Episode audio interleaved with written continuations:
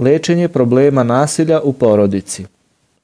Jedan od svetskih problema od kojeg pate milioni ljudi jeste problem nasilja u porodici. Poslanik mir nad njim je ovaj problem lečio tako što je pozivao u međusobnu samilost, praštanje i prelaženje preko negativnosti koliko god smo u mogućnosti. Poslanik mir nad njim je kazao Neka vernik ne mrzi vernicu, ako mu se ne sviđa neka njena osobina, sa drugom je zadovoljan. Kao da je ovim pozivao supružnike da jedni drugima dobro čine i da ne treba muž da mrzi svoju suprugu zbog nečega što ona radi, nego je dužan da primeti njene lepe osobine koje su možda u većem broju od onih koje on mrzi. I rekao je, najbolji su od vas oni koji su najbolji prema svojim porodicama, a ja sam najbolji prema svojoj porodici. Od Muavije ibn Hajdeta se prenosi da je kazao Došao sam jednom prilikom Božijem poslaniku mir nad njim i upitao Šta kažeš o našim ženama? A on je odgovorio Hranite ih onom hranom kojom vi jedete i oblačite ih onom vrstom odeće koju vi oblačite. Nemojte ih udarati i nemojte ih ponižavati. Poslanik mir nad njim je poznavao prirodu žene i da sprovođenje nasilja nad njom neće koristiti.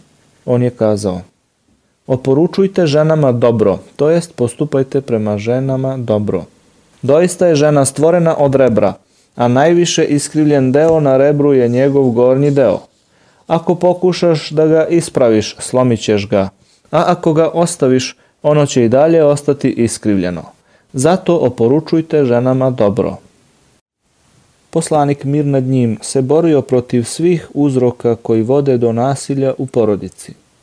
Prvi od tih uzroka jeste ljutnja, koja direktno prouzrokuje nasilje u porodici. Jednom prilikom je neki čovek kazao poslaniku mir nad njim, posavetuj me, a poslanik mir nad njim je rekao, ne ljuti se. To je ponavljao više puta, to jest, posavetuj me, posavetuj me, a poslanik bi svaki put odgovorio, ne ljuti se. I rekao je, onome ko zadrži svoju ljutnju, Bog će prekriti njegove sramote, a onome ko savlada svoj bes, kad je u stanju da ga sprovede u praksu, Bog će njegovo srce učiniti da bude zadovoljno na sudnjem danu. Poslanik mir nad njim je zabranio vređanje, proklinjanje i odvratan govor, jer sve su to razlozi koji uzrokuju fizičko nasilje. On je kazao, vernik nije onaj koji vređa, niti onaj koji proklinje, niti je razvratan, a nije ni nepristojan. Poslanik mir nad njim se najbolje obhodio sa svojim ženama. Tako se prenosi od Enesa, sluge, da je poslanik mir nad njim kazao. Poslanikova mir nad njim ruka nikada nije udarila slugu, niti ženu. Poslanik mir nad njim je bio uzor u blagosti i nežnosti. Nije nikako praktikovao nasilje i strogoću sa svojim suprugama, kao što to navodi Džabir kada kaže – Poslanik mir nad njim je bio jednostavan čovek. Kada bi Aisha poželela nešto, on bi je do toga odveo. Sledeći hadis nam predstavlja kako se poslanik mir nad njim lepo obhodio sa svojim suprugama u vremenu kada žene nisu predstavljale ništa. Kaže Omir ibn el-Hatab. Tako mi Allaha, mi u džahilijetu, predislamskom periodu, žene nismo smatrali važnim, niti je imala ikakvu vrednost sve dok Bog u vezi njih nije objavio ono što je objavio i odredio im ono što je odredio. Tako sam jednoga dana bio zaokupiran sa nečim kada mi reče moja supruga.